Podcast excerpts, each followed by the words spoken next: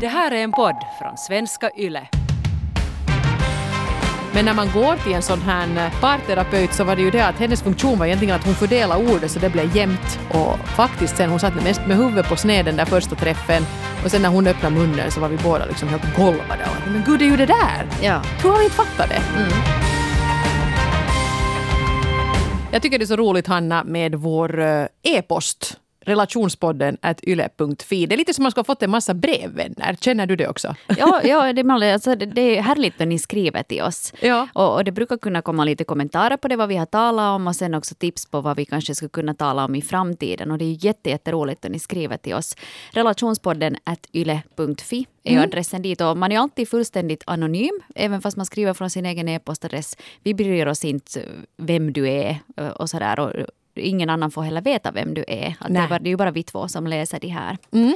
Och så tycker jag också det är kul ibland när man märker att, att vi lite får vara din ventil. Att man liksom skriver av sig om sånt som man har på hjärtat. Och nu har vi märkt en sån här liten tendens eh, den här våren. Jag behöver kanske inte upplysa om att det har varit en lite konstig vår, lite annorlunda. Men att det händer lite grejer så här på kärleksfronten. Be betoning på lite. Ja. Singlarna tycker att dejtingen stannar upp helt och hållet. En del har till sin stora förvåning hittat den stora kärleken mitt här i coronakalabaliken. Och så är det en del av er som, som ju nog medger att, att det är lite jobbigt det här med relationer just nu när man är så nära in på varandra hela tiden. Och därför tänkte vi ju att vi skulle fokusera på just den biten idag. Ja, hur man kan liksom styra upp relationen. För att det, är ju, det är ju helt allmänt känt att oftast så brukar eh, de flesta söka efter, ansöka om skilsmässa efter sommarsemestrarna och efter julledigheten. För att då exponeras man mer för sin partner. Och då kanske att om det har varit lite sådär halvrisigt och halvknaggligt i relationen så blir det ännu mer påtagligt då man är så jättemycket tillsammans. Så nu när de flesta ändå har jobbat på distans eller haft barnen hemma så har man ju hamna och, och titta då på den andra, kanske lite mer än vad man skulle önska. Och det blir liksom dubbelt upp av det goda i år för att nu har man först haft då den här lockdownen, många har jobbat hemifrån och nu kommer det ju också en sommar. Jag vet att det, alla har inte alls semester att ta ut nu i sommar men i alla fall eventuellt blir ju det här att det här family fun blir minst dubbelt så långt i år och då kan det nog hända att en del inser att nej det här går ju inte. Vi kan ju inte vara tillsammans för att vi har ju ingenting gemensamt eller vi tycker ju inte ens om varandra och så här. Ja, eller man bara liksom tittar på sin partner och så märker man att man släpper ur sig ett sån här ofrivilligt usch. Ja. Eller att man bara är irriterad hela tiden. Eller att man drar sig undan då hen kommer och vill vara lite när, närgången och så här. Och eh, det är ju säkert många av oss som, som har varit i en relation och tänkt att nej, det här blir inte någonting, att, att jag ser ingen väg ut ur det här. Men eh, därför skulle, skulle vi liksom vilja hoppa in nu innan, innan man börjar liksom sitta där och fila på sin skilsmässoansökan och kanske prata lite om hur man egentligen kan få den här skutan på rätt köl igen ifall det känns som att den håller på att kapsejsa helt och hållet. För att det finns ändå en hel del som man kan göra och vi har också efterlyst eh, era erfarenheter angående hur man kan rädda en relation som kanske verkar vara ganska dödsdömd. Precis. Är det slutet eller är detta en svacka? Finns det en framtid? Eh, och vi har fått in ja, ganska så här ja, hoppingivande och intressanta svar på den här frågan. Lätt är det här ju inte. Nej. Det ska vi inte på något sätt påstå heller. Det finns ingen patentlösning, men kanske lite sådana konstruktiva tips. Sånt som har funkat för andra par kanske funkar för just dig som just nu går och undrar om det är någon poäng att fortsätta. Uh, jag är ju inte i någon relation just nu, men jag har ju varit det i flera långa relationer tidigare och eh, de har ju tagit slut, ja. som, som vi ju märker. Då. Och jag tror att det finns liksom de här vissa indikatorerna på att det börjar vara liksom på slutrakan. Och nu ska vi kanske också vara tydliga med det att är det liksom ett våldsamt och, och liksom så här riktigt skadligt förhållande så det är inte riktigt den typen av grejer vi pratar om nu. Det är Nej. kanske något som man ska prata om i ett separat avsnitt. Utan det här är nu det här när alla nu i princip är hyggliga med varandra men den där gnistan har försvunnit. Ja, och man tänker att hur ska man någonsin kunna bli lite sådär tänd på sin man igen eller hur ska man kunna tycka att den där frun inte bara är en gnällspik i evigheter. Men det, men det är nog lite svårt det där. För jag, jag har ju själv, kan, kan jag dra mig till minnes i alla fall från tidigare relationer, att, att jag märker liksom att jag reagerar jättemycket liksom på magkänsla och på intuition. Och jag har kommit på mig själv tidigare i livet med att till exempel då jag hör nyckeln i dörren så blir jag lite besviken. Och så att, men kommer han redan nu? Jaha, okej. Att, att jag, det skulle vara kanske bättre att få vara, få vara ensam hemma ännu lite längre. Och det där tycker jag för mig har varit en väldigt tydlig indikator på att nu... Det är en jättebra tumregel. Får du lite pirr i magen om du hör steg i trappan och tänker att nu kommer min älskling? Eller blir det lite sådär att åh, Ja. Eller sen att du kanske ryggar undan sådär in, instinktivt. Vet du att om, om den, du står fast och tömmer diskmaskinen eller någonting och så kommer den där personen då och vet du, närmar sig dig och kanske lägger en hand runt dig och du märker att du lite sådär att du märker att din kropp liksom rycker, drar sig undan. Eller om den andra vet du vill komma och pussas lite och du märker att du har inte alls filis att göra det här Ja, nu. och framförallt om det kontinuerligt är sådär. Jag menar, alla kan ha PMS, alla kan ha, vara stressade och vilja sitta i fred och få skattedeklarationen ifylld och tycker att nej, kom inte hit och stör mig. Händer det en gång så är det ju inte liksom så farligt. Men om det liksom håller i sig den där känslan, Ja. så då är det nog en ganska tydlig grej. Eller sen också en sån här sak att man undviker att vara på tumis. Just det. Och det kan ju vara att om du till exempel har barn i familjen så då, då kretsar allting ganska mycket kring barnen. Speciellt om du har små barn. Eller, eller att du kanske omger dig med, omger dig med, med vänner. Och så där. Men att du, märker, du drar dig för att vara på tumis med din partner för du kanske märker att vi har eh, ingenting att tala om mera. Eller du vet att har vi barnfritt en natt så då förväntas det sex av mig och jag vill inte alls göra det. Att du undviker situationer där du hamnar och vara med din partner och verkligen möta den där. Så det tycker jag också är ett ganska, en ganska stor varningssignal. Mm. Inget vidare, nej. Men hur är det med dig Eva? Alltså, du, du lever ju i en relation nu. Ni har ju varit gifta som vi brukar säga i 150 år. Du och Jonas. Och eh, då man ser på dig utifrån så tänker man att det här är den här eh, lyckade och lyckliga författaren och mm, programledaren och den här mediepersonligheten. Men inte har det ju varit en dans på rosor enbart för er heller. För jag menar under en lång relation så måste ju komma lite gropar i vägen. Jo, jo, jo. Men jag menar, det är ju en berg och dalbana. Ibland är det eh, jätte, jättebra och ibland är det inte så hemskt bra. Och man kanske på något sätt nu med tiden lär sig Uh, när det är så ett långsiktigt förhållande så kanske man inser också att nu är det en sån här mindre svacka uh, och vi kommer nog att ta oss upp ur det här igen. Men det bästa är ju om man har liksom kommit fram till de rätta verktygen just då. Inte kan man ju gå omkring och förvänta sig att vara superlycklig hela tiden. Och då kan man inte förvänta sig det av en relation heller. Men att den ändå på något sätt är stabil. Mm, ja, ja, ja, faktiskt, vi har ju tagit en sväng i, i parterapi. Det tänkte jag kanske lite återkomma till här idag. För vi ska prata bland annat en, en del om parterapi. Eh, men nu är jag ändå sådär, jag menar nu blir jag ännu glad när han kommer hem. Och, och nu är det ju kiva om man får en kram när man står och tömmer diskmaskin. Speciellt om man sen fortsätter att tömma och ser att... Ja, I got this. ja, precis. Så jag menar, det är klart, svackor kommer ju nog också i de lyckligaste relationer tror jag. Det tror jag de, de måste ju få komma. Annars är det något lite omänskligt över hela upplägget. Ja, och det är ju, där, det, är ju det där som är lite det där svåra. Att man vet att är det här nu en svacka och att som jag bara måste uthärda och som vi kommer att komma ur.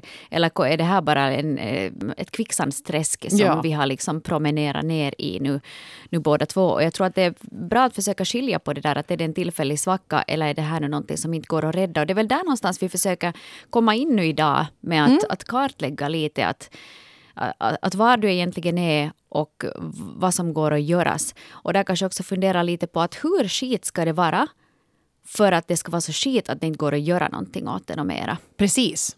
Det är ju nog den stora frågan här. Men vi, alla ju, har sin skit ibland. vi skulle kunna börja här med signaturen Isa-Lisa39 som uh, lite så här hoppingivande konstaterar att man kanske inte ska vara så rädd för de där svackorna heller för att i det långa loppet så kan de föra någonting gott med sig. Så här skriver hon. För fem år sedan hade jag och min man sedan många år tillbaka en ordentlig kris. Jag som var sliten redan tidigare sjönk ner i en depression och jag trodde att skilsmässan låg bakom hörnet. Det var en vidrig tid i våra liv. Det som räddade vårt förhållande var främst två saker. Dels orkade min man tro på oss båda när jag inte gjorde det. Dels gick vi ett par gånger i parterapi. Jag skulle säga att det tog minst ett halvt år att komma ut på andra sidan och säkert ett år innan jag riktigt vågade tro på oss igen. Och idag har vi det bra tillsammans, kanske till och med bättre än vi någonsin haft det. För förr tog jag vårt förhållande för givet och det gör jag inte längre. Varje dag väljer jag honom och varje dag väljer han mig.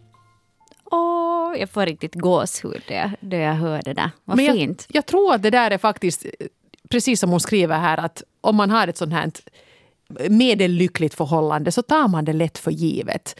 Och då kan det nog bli en sån att man blir lite omskakad av att, av att man ifrågasätter men att tänk om, om vi inte skulle vara tillsammans då. Mm. Och det här är ju just det här, jag menar hon Isa-Lisa själv då hade det kämpigt och var deprimerad.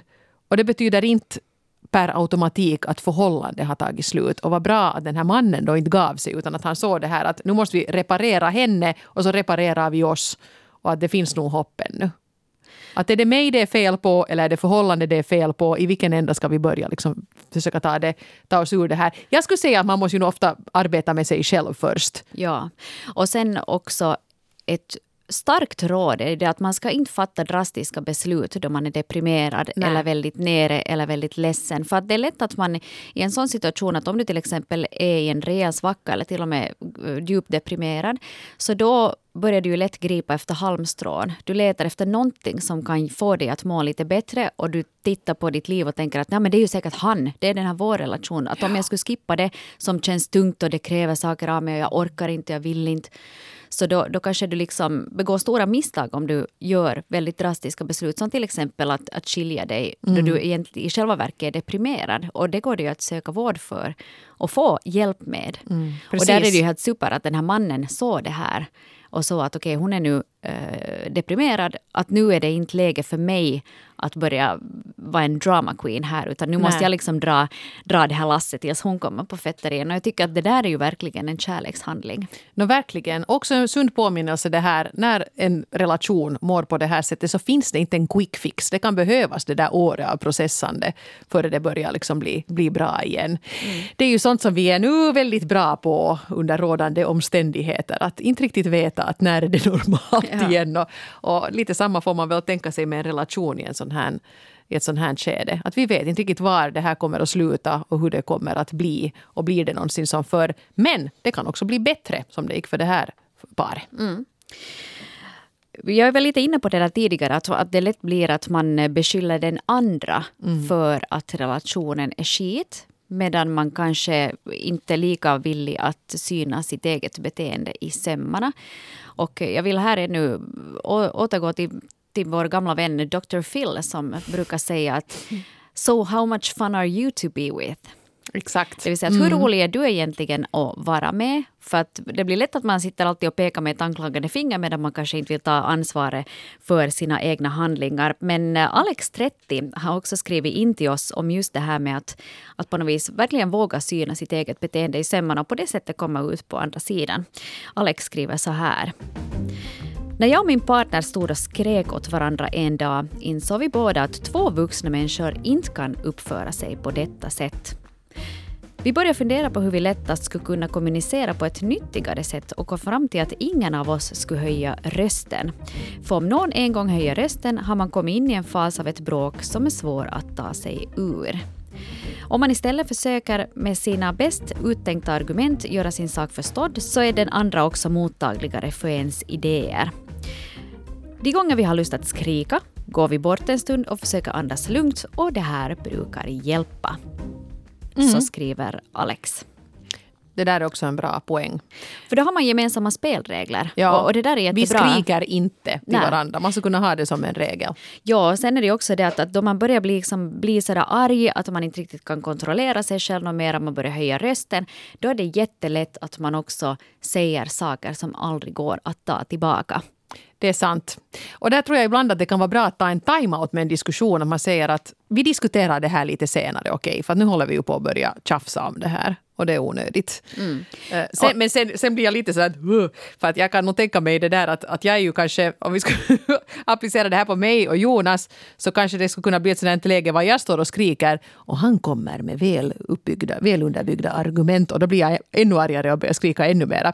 Att där är nog det där att man måste vara på precis samma våglängd med de här argumenten också. Mm. Och det får inte liksom vara i affekt den här diskussionen äger rum och det är det som är det svåra. Att hur bryter man av det när det börjar kännas lite känsligt? Ja, för det är ju då som man vill börja säga saker som att du har fel i huvudet och alltid då du ja. gör si så blir det så. Ja, men liksom just det där att no, men om vi älskling skulle göra en SWOT-analys av det här, ja. då blir jag ju helt bananas. Ja, men det där är just att man måste ha de där reglerna och reglerna ska ju alltid göras upp i fredliga tider. Just att det. om man märker att vi båda lider av det där att, att man börjar skrika Sen finns det också det att, eh, att människor är olika. Alla är inte jämlika när det kommer till gräl. Att det kan vara så att då den ena blir arg så lägger den andra sig helt platt mm. och, och grälar inte någonting tillbaka. Eller det kan också vara att man inte kan uttrycka det vad man känner verbalt så den andra förstår det. Och det där är ju typiska exempel för då, då det blir liksom uh, psykiskt våld och i värsta fall också fysiskt våld då man inte hittar orden utan man istället måste ha ett annat sätt att uttrycka sina känslor på. Någonting som givetvis är fullständigt förkastligt. Mm. Men där kanske att man skulle kunna hitta de där kommunikationssätten att man skulle kunna reda upp det lite innan det blir just skrik och bråk. Men jag menar, Alex skriver här att de märkte att de båda stod och skrek åt varandra, att de båda, båda är sådana liksom gav som tycker om, kanske lite på något sätt också njuter av, av det där. Så kan det också hända att men det finns en viss njutning i det. det finns ju sådana par som har ett stormigt förhållande och har ja. liksom en sån här stolthet i det här att de står och gormar och typ kastar kaffekoppar omkring sig. Uh, jag vet inte, kanske det funkar, bara inte någon far illa av det. Ja. Jag måste säga att jag hade en gång en relation där vi brukar gräla ganska sådär storstilat. Inte att vi kastade kaffekoppar på varandra eller något sånt, men att man kunde höja rösten. Och, och, men vi var båda verbalt begåvade. Just det. Så det kunde bli liksom att fast till och med du står där och du är arg och sen så lyckas den andra få till det. För att det är en riktig sån här touché-formulering så stannar man nästan upp så att ah, det poäng, lite poäng till. för den där, den där var bra. Där, ja. Det var bra uttryck. Vet du, som att, att det är nästan som att det där grälet är lite som ett skådespel och att man nästan kan beundra den andra. En amerikansk presidentvalsdebatt. Ja, att man kan nästan bara oh. stanna upp emellan att det ja. där var bra sagt, att där fick du till att den sved. Ska vi ha sex? ja men så att det kan ju också vara att det inte alltid heller som, ibland behöver man också rensa luften vet du, på det sättet. Jo, jo, mm. men ja precis. Det där, och det där måste man ju varje par komma underfund med att var, var är liksom vår våglängd när vi liksom ska diskutera diskutera besvärliga grejer. Att, att för alla kanske det inte faktiskt är fel att, att skrika lite grann. Bara man liksom inte gör det för att trycka ner den andra. Utan ja. att det är mer ett sånt här sätt att få utlopp för, för känslorna. Jag vet inte. Man släpper fram sin inre italienare och så låter man det fara bara. Precis. Uh, Sen kan man ju alltid ty sig till internet mm. om det är knepigt. Och signaturen 34 berättar så här. Min man räddade oss med info från en nätsida om de nio personligheterna. Eftersom vi inte förstod varandras ganska motpoliga beteenden och reaktioner eh, fastän vi tyckte om varandra och delade samma värderingar så hade vi en riktigt dålig relation för länge sedan. Vi hade då varit tillsammans i tre år och bodde ihop. Jag betedde mig allra sämst vid den här tiden men istället för att ge upp med mig så googlade sambon efter personligheter och då fick han fram en sida som verkar ge oss många svar. Förståelsen ledde till många aha-upplevelser för oss båda och självkännedomen kom som bonus. Idag gör vi oss lustiga över varandras egendomliga ömma punkter men på ett respektfullt sätt och grälen har ersatts av skämt. Det är vårt sätt att tackla olikheterna som vi samtidigt är tacksamma för att de finns. Det känns som att grundförståelsen i förhållande byggts på varenda dag som går och vi är väldigt trygga idag. Så tack till internet. Och hon skriver också det här, eller han skriver, ja, i alla fall att eh, det finns massa olika sådana sidor på nätet så att eh, det är bara att eh, googla sig fram till det som passar en bäst. Mm. Och det där är ett typiskt exempel på då man är väldigt olika som personer och mm. har olika sätt att kommunicera på. Att kanske om du har den där större förståelsen för hur din partner fungerar så, så kan du också förstå hen på ett bättre sätt istället för att man bara tänker att den har fel i huvudet. Ja, det är så liksom, intressant att se det sen svart på vitt på någon sån här lista. Det är kanske inte alltid så himla vetenskapliga det här men i alla fall man märker att hör du, du är en lila och jag är en grå. Så det är därför som vi börjar gräla på det här sättet alltid. Men nu förstår jag att du är lila och jag ska försöka tänka som en lila och så precis liksom placera sig i den andras uh, situation och förstå att, att den är inte liksom psycho bananas nu här utan det är så som hen fungerar. Ja, och då kan man ju också lära sig att hur man ska göra. För ja. om man vet att den ena blir helt galen av att du inte har tömt diskmaskinen. Mm. Så om du vet att den alltid reagerar på det så då kan du göra någonting åt det. Ja. Och det här är nu bara som en liknelse för andra saker. Att man märker att okay, för mig är det ingen skillnad i diskmaskinen tömd eller inte. Men för den personen så är det avgörande. Och då försöker jag kanske lite jämka mig enligt det. Och det där är ju också en, en kärlekshandling. Skulle jag Acceptans våga alltså. Jag, jag vet att det här är en knäckfråga för dig nu, diskmaskinen eller whatever. Och har jag inte hunnit tömma den så kan man ju säga att jag kommer att tömma den alldeles strax. Mm. Eller om du vet att den ena är en sån där som exploderar över minsta lilla, men det går över på fem minuter. Så då kanske du låter den explosionen komma som en liten boom. Ja. Och så tänker du att okay, men jag går nu och, och går och hämtar posten eller går till butiken. När Ja. jag kommer tillbaka så är det här inte något problem något mer. Ja. Att du, du vet hur det funkar och du Ja. tar inte allting som en personlig attack. Exakt. Ja, precis. Lära känna varandra och det är ju det där som, som tar tid. Och eh, är lite, lite bumpigt ibland men ibland kan vara väldigt ögonöppnande. Ja. Eva, du nämnde det här med, med parterapi, Ja. som ju du och Jonas hade varit i också. Och eh, det är flera av er som har skrivit om just hur parterapin har hjälpt. Men eh, signaturen att krama sig silver och pussa sig guld 42 tycker att det här med, med parterapi, att det, det är kanske inte nu ändå lösningen på riktigt alla problem. Terapi är det sista jag skulle våga mig på. Jag har aldrig hört om någon som har gått i parterapi utan att det har slutat med skilsmässa, vilket ju kan vara det bästa i många fall. Är det månne det att sanningarna blir för många och sen kan man inte glömma vad den andra har sagt? Eller att man helt enkelt säger det man annars inte skulle våga och sen inte kan ta det tillbaka? Eller är det så att terapin kan ge en det wake-up call man undermedvetet längtar efter? Ovanligt få i min krets har skilt sig men alla de som har försökt rädda sitt äktenskap genom terapi har skilt sig. Jag skulle nog själv testa mera närhet, pussar och kramar först. Så här skriver alltså signaturen att kramas är silver, pussas är guld 42. Det är jättebra att kramas och, och pussas men jag misstänker lite att de här i, i den här personens krets som har gått i parterapi har gjort det för sent. För att går man till parterapi när man redan är liksom så trötta på varandra och relationen i princip är slut så går den ju inte att rädda. Däremot tror jag det kan vara helt bra att gå i parterapi i det skedet också. Inte för att rädda relationen men för att liksom komma igång med livet efter den här relationen. Där tror jag en parterapeut också kan vara väldigt bra. Jag har bekanta som har gått i, i terapi efter det att de hade bestämt sig för att, för att skiljas åt. Och att det kan vara ganska bra med den här neutrala människan, terapeuten som kommer in där och, och, och lyssnar. Och, det kanske inte behöver vara så laddat utan man kanske ändå, den här closure eller avslutet som det pratas om ibland i, i amerikanska filmer, det tror jag inte är så lätt att få till i ett sånt skede. Men i alla fall på något sätt få, få med sig lite, lite råd på vägen då. Men eh, nu ska jag ju säga, det var ju många som skrev här också att, att terapi kan rädda och kan få det att funka. Men det är just det att, att tajma in den vid rätt tillfälle. Det är inte helt enkelt. Jag tror nog att man måste göra det relativt tidigt. Att redan då man märker att nu har det här känts knaggligt ett tag. Eller att man märker att man alltid kommer ihop sig om samma saker. Att man då går i terapi. Jag har flera vänner som har varit i terapi lite sådär i en bit in i förhållande för att Ja. styra upp vissa grejer som inte funkar. Att fast jag kan säga att 80% funkar men 20% är alltid skit. Så då kan man liksom få hjälp med att få, få det här att funka. Oftast handlar det ju nog om kommunikation. Jag pratade en gång med en, med en psykolog för många år sedan, eller en parterapeut som jag intervjuade i något sammanhang, som, som tyckte att man ska göra så där som när man går för bilen på besiktning. Att man egentligen borde gå en gång om året i parterapi. Bara för att liksom ventilera att var, hur ligger landet just nu. Det behöver inte vara så alls att man har något problem, men att lite, lite liksom gå igenom att, att hur känner vi för saker och ting just nu och finns det något vi kan förbättra. Jag tror inte alls att det behöver bli då som, som den här brevskrivaren här befarar, att det dyker upp en massa grejer som man sen inte kan ta tillbaka. Eh, Om det är en bra terapeut och en, en ändå i grunden god relation så tror jag inte alls man ska vara rädd för det. Mm. Nej.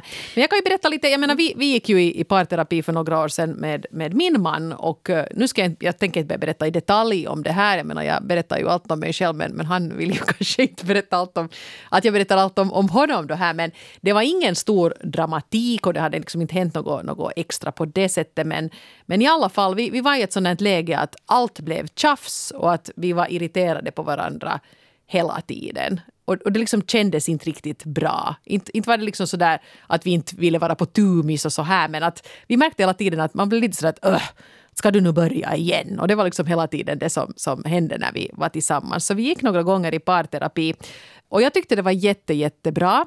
För att bara det där att eh, jag menar, som, som ni vet, jag pratar mycket, min man pratar inte jättemycket. Där är vi redan på helt olika nivå om vi ska diskutera jobbiga grejer hemma. Det blir rätt så att jag babblar på, han sitter och lyssnar och så kanske jag mitt i babblet där säger någonting som han blir ledsen på och så blir han ännu tystare och så liksom låser sig kommunikationen.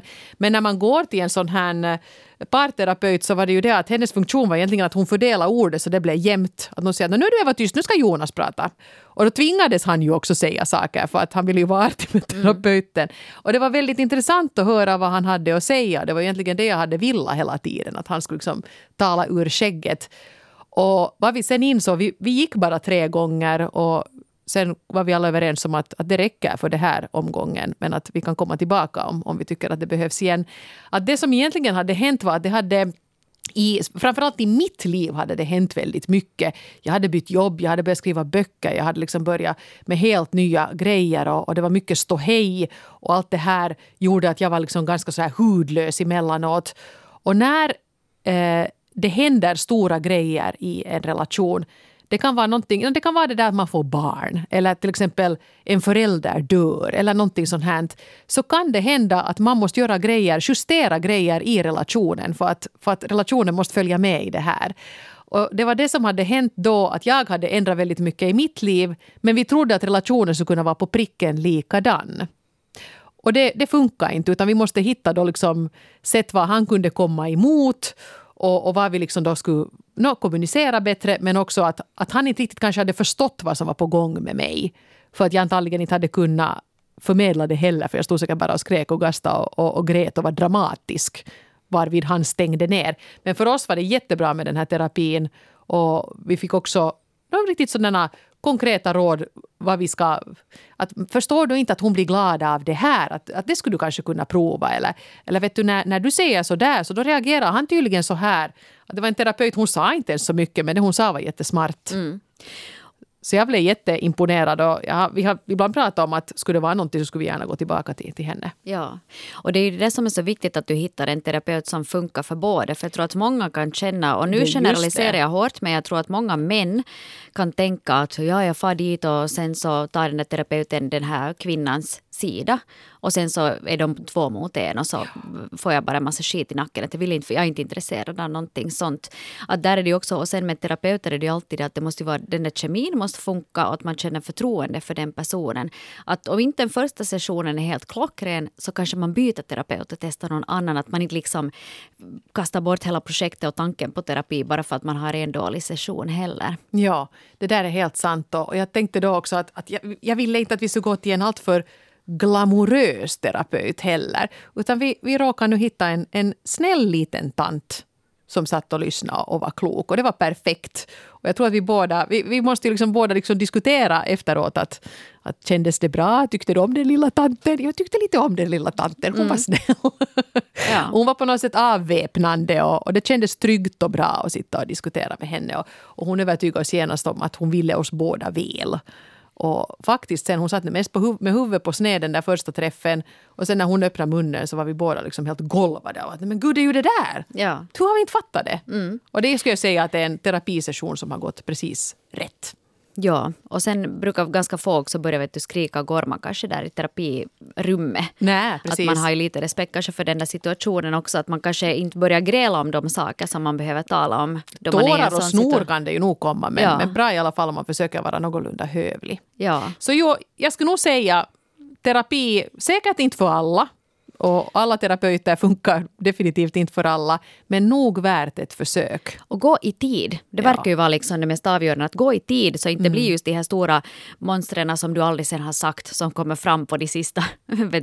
just när ni ska säga att jag vill skilja mig, nå men vi går en till parterapeut, då är det oftast för sent. Ja. Att liksom gå hellre i tid och, och testa. Just att man kan gå några gånger, att det behöver inte vara att vi ska gå nu i tre år och det är skitdyrt och vi har inte råd. Och är det så att man inte har pengar så finns det ju också från kommunen många sådana här ja. parterapeuter. Man kanske hamnar och köar lite men, men i alla fall att man ställer, ställer sig i den där kön och så går Men jag drar fram den där bilen igen. Tänk hur mycket pengar du sätter på din bil ibland när någonting måste bytas. Och jag menar tre gånger hos en parterapeut, inte var det ju helt billigt men inte var det nu fruktansvärt dyrt heller.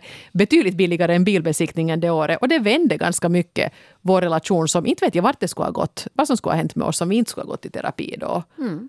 Så det var nog, tycker jag, ändå väl investerade pengar. Mm. Absolut. Hej, vi ska nu avsluta med några konkreta tips på hur man kan eh, ändra relationen ifall det verkar så att den, den går raka vägen, rullar ner för nedförsbacken. Tabita 82 har närmat sig med eh, sin egen berättelse. Och uh, Tabita skriver bland annat så här. Då vårt äktenskap kraschade så insåg vi båda att vi behövde hjälp utifrån för att kunna ha en chans att komma vidare. Så mitt råd är att söka hjälp. Hon är tydligen helt på samma linje med dig mm, där också, mm. Eva. Eh, Tabita skriver vidare att det allra viktigaste i en relation är trohet och total ärlighet mot varandra. Och det där kan ju också vara bra att du går i den här terapin, att du, du har den där personen som hjälper dig att vara ärlig. För ibland är det svårt att säga vissa saker. Men sen här, fem punkter som man kan följa för att komma varandra närmare. Nummer ett. Gör ert sovrum till en helt skärmfri zon. Använd istället tiden till att hålla om varandra, prata, lyssna och se varandra. Det där är nog ganska bra. Det är mycket trevligare att konkurrera med en pocketbok på kvällarna innan man ska sova än att det är en skärm då liksom alla bekanta på alla sociala medier och sånt här. Vi har faktiskt sällan skärmarna med oss in i, i sovrummet. Vi laddar dem i köket. Mm, men det tycker jag är bra. Det, ja. det är bra, bra för både vuxna och barn. Mm, om man inte tittar på någonting tillsammans, det vet jag att en del gör. Ja, men då kommunicerar man inte heller. Jag tror att det är just det här mm. att man ska vet du, vara tillsammans och ta den här tiden. För jag menar, då man började dejta inte låg man ju då heller och scrolla på Facebook. Utan man låg ju och pratade om det ena och det andra och, och gjorde det ena och det andra. Mera mm. sånt. Mera sånt, bra. Punkt nummer två. Ta som vana att varje kväll fråga din partner vad du kan göra för honom följande dag. Mm. Ljuvlig idé. För då kan det vara just att, då faktiskt att jag har imorgon den jättelånga dagen. Att skulle du kunna se till att vi har vad vi ska äta? Ja. Att jag kommer, det blir lite hossigt för mig. Exakt i sådana tider som, som nu när kanske båda jobbar hemifrån. Att jag har liksom, det där mötet mellan 10 och 11, då skulle det måste vara lite tystare. Så att skulle du kunna liksom, fast gå ut med barnen då så tar jag det sen, liksom, tar jag dem sen efter elva. Sånt mm. Ja, det är bra. Kanske inte just förrän man går och sover utan har det lite tidigare där på kvällen. Så att mm. det inte blir så där businesspussel där just förrän man ska tuta. Mm. Nummer tre. Ta minst en kväll i veckan då ni helhjärtat tar er tid för varandra. Kanske hitta på någonting roligt tillsammans eller jobba tillsammans. Också bra. Mm. Mm. Vad är det de brukar säga? En kväll i veckan, ett veckoslut i månaden, en vecka i året. Fast man har hur små barn så borde man liksom försöka gå efter det. Att då är det bara du och jag. Mm. Superbra, väldigt mm. konkret. Nummer fyra, var ärlig, prata om allt. Ja. Och det här var vi lite inne på också, att då blir det inte heller några sådana stora monster som du går omkring och funderar på. Du kan undvika att bli sådär passiv, aggressiv och över saker som du inte har sagt. Så, mm. så ut med skiten och kanske säg den på ett snällt sätt ändå. Mm. Och sen är nu nummer fem, kämpa för att leva troget med varandra. Ja. Och trohet då kanske både i bemärkelsen att man inte ska vara otrogen, inte fiffla på med någon annan, men också det där att man alltid är liksom mer på ett sånt här mentalt plan. Att man är lojal mot den andra. Ja. Man liksom är ett team och vi hör ihop. Ja, att det är det som vi båda kan utgå från och jag kan vila i det att du väljer mig varje dag på samma sätt som jag väljer dig varje dag. Precis som vår första brevskrivare så vackert sa. Mm. Det var bra konkreta tips det här. Ja. Så där ser vi, jag menar det, det, måste man ju kanske ändå säga, ibland är det inte värt att rädda relationen. Jag menar mår, mår ni riktigt illa och ni känner att det finns ingen återvändo så det är klart att ni ska gå skilda vägar och, och eventuellt kommer ni att må mycket, mycket bättre av det. Så att till vilket pris som helst ska man inte försöka rädda en relation. Men ibland är det faktiskt bara en svacka och det kan finnas hopp och med lite justeringar och kanske lite utomstående hjälp så kan allting få ny fart. Det tycker jag jag tog med mig här av era berättelser idag. Mm. Tusen tack till alla er som har skrivit än en gång. Relationspodden är yle.fi. Dit kan du skriva anonymt när du vill och du kan också gå med i vår Facebookgrupp och delta i diskussionen vidare där. Vi Relationspodden Norren och Frans heter den. Ja, det heter den visst ja. Vi hörs igen om en vecka. Ha det så bra. Hej då! Puss och kram! Puss och kram!